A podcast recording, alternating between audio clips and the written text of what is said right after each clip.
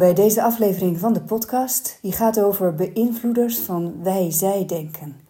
Mijn naam is Gwenda Sloen-Bodien en Koert Visser en ik hebben samen de progressiegerichte aanpak ontwikkeld. We geven trainingen in progressiegericht leiding geven en progressiegericht werken en we schrijven boeken en artikelen. Kijk maar eens op www.cpwportal.nl. In deze podcast ga ik eerst in op oude ideeën over groepsdenken die door neurowetenschappelijke onderzoekers in een nieuw licht worden geplaatst.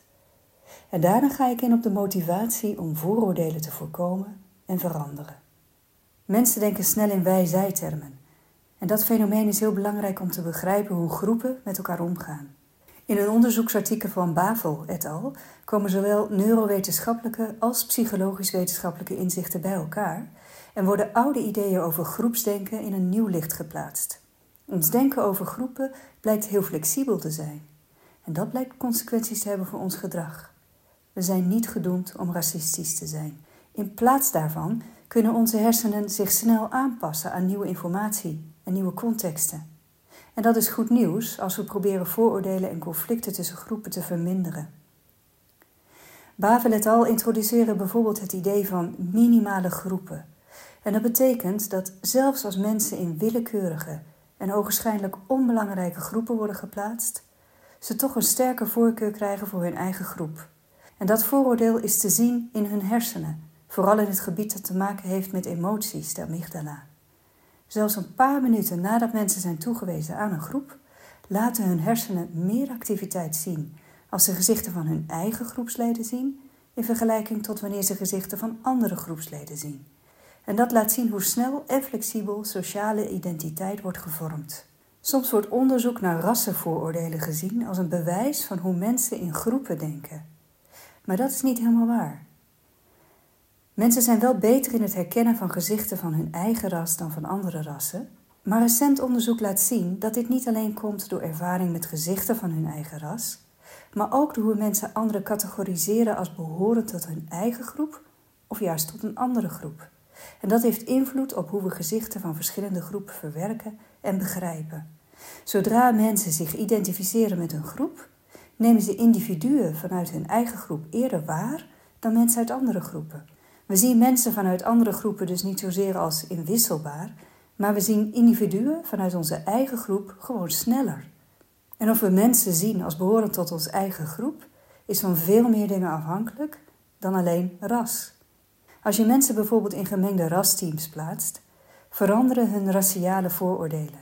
We gaan mensen van een ander ras binnen een fractie van een seconde anders zien wanneer ze tot onze eigen sociale groep behoren. En dat gaat in tegen wat we vroeger dachten over raciale attitudes en stereotypen als belangrijkste beïnvloeders van ons gedrag. Motivatie speelt namelijk ook een grote rol in hoe we mensen in groepen verwerken als wij versus zij.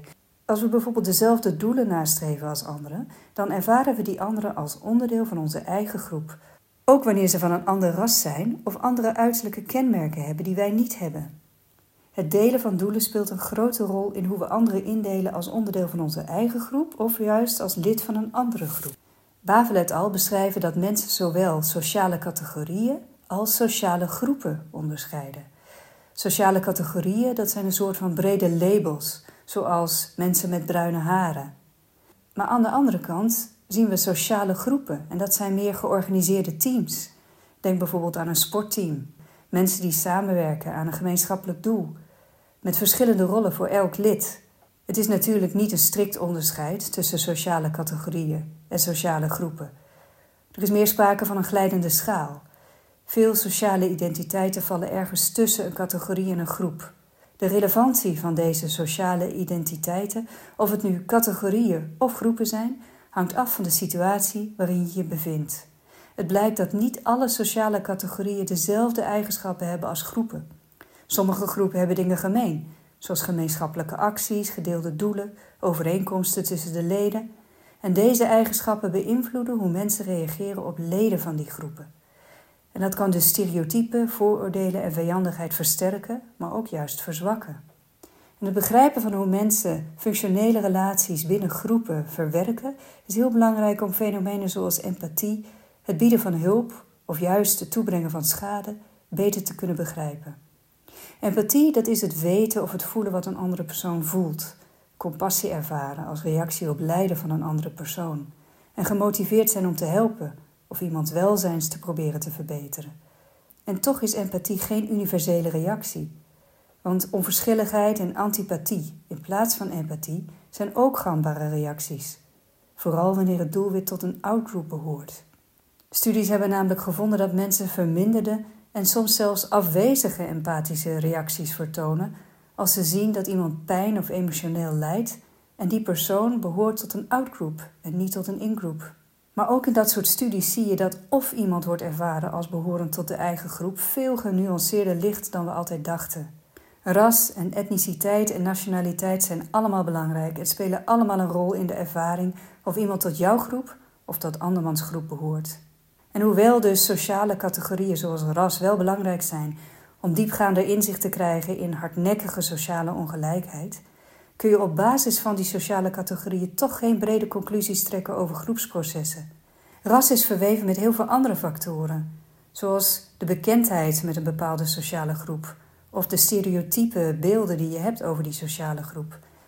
En daarnaast is zelfcategorisatie heel erg flexibel. Onze sociale identiteit staat niet vast en we passen ons snel aan aan verschillende situaties. Of we al dan niet gemotiveerd zijn om onze vooroordelen te verminderen, speelt een belangrijke rol in de daadwerkelijke vermindering daarvan. Met het diverser worden van westerse samenlevingen is ook de sociale norm sterker geworden dat het hebben van vooroordelen niet wenselijk is. Maar mensen zijn van nature geneigd om de wereld in te delen in categorieën, wij en zij, waarbij wij in een positiever licht wordt gezien dan zij. En daardoor ontstaat de motivationele paradox dat mensen het doel kunnen hebben om vooroordelen over andere sociale groeperingen te verminderen, terwijl ze tegelijkertijd moeite hebben om dat ook echt waar te maken. De kwaliteit van je motivatie om vooroordelen te verminderen is doorslaggevend voor in hoeverre het je lukt om voorbij die vooroordelen te komen. De meeste onderzoeken in de zelfdeterminatietheorie richten zich op de effecten van de kwaliteit van je motivatie op je gedrag. Maar onderzoek van Lego et al. richt zich op de effecten van de kwaliteit van je motivatie op je attitude. En dat is bij vooroordelen tegen sociale groeperingen heel relevant. Verandert je attitude ten aanzien van andere groeperingen echt, of doe je net alsof, vanwege sociale wenselijkheid? Er zijn diverse kwaliteitsniveaus van motivatie. De laagste kwaliteit is de afwezigheid van motivatie. Je kunt niet gemotiveerd zijn om vooroordelen tegen andere sociale groeperingen te verminderen. Je vindt dan bijvoorbeeld dat het niet hebben van vooroordelen op basis van huidskleur, geloofsovertuiging, seksuele geaardheid en geslacht, dat dat niet nodig is. Als je wel enigszins gemotiveerd bent om je vooroordelen te verminderen, dan kan dat bijvoorbeeld zijn vanuit plichtsbesef, om je te conformeren aan regels in de organisatie of in de maatschappij.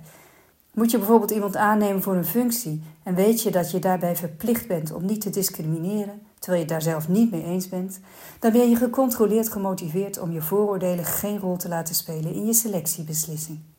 Een derde vorm van motivatie kan zijn dat je jezelf onder druk zet om geen vooroordelen te hebben tegen mensen uit andere sociale groeperingen. Je voelt je dan bijvoorbeeld schuldig als je jezelf betrapt op racistische gedachten. Die twee voorgaande vormen van motivatie zijn samen gecontroleerde motivatie. Druk die van buitenaf ontstaat of druk die van binnenuit komt. Maar er zijn ook drie vormen van een hoge kwaliteit van motivatie. En dan ben je autonoom gemotiveerd.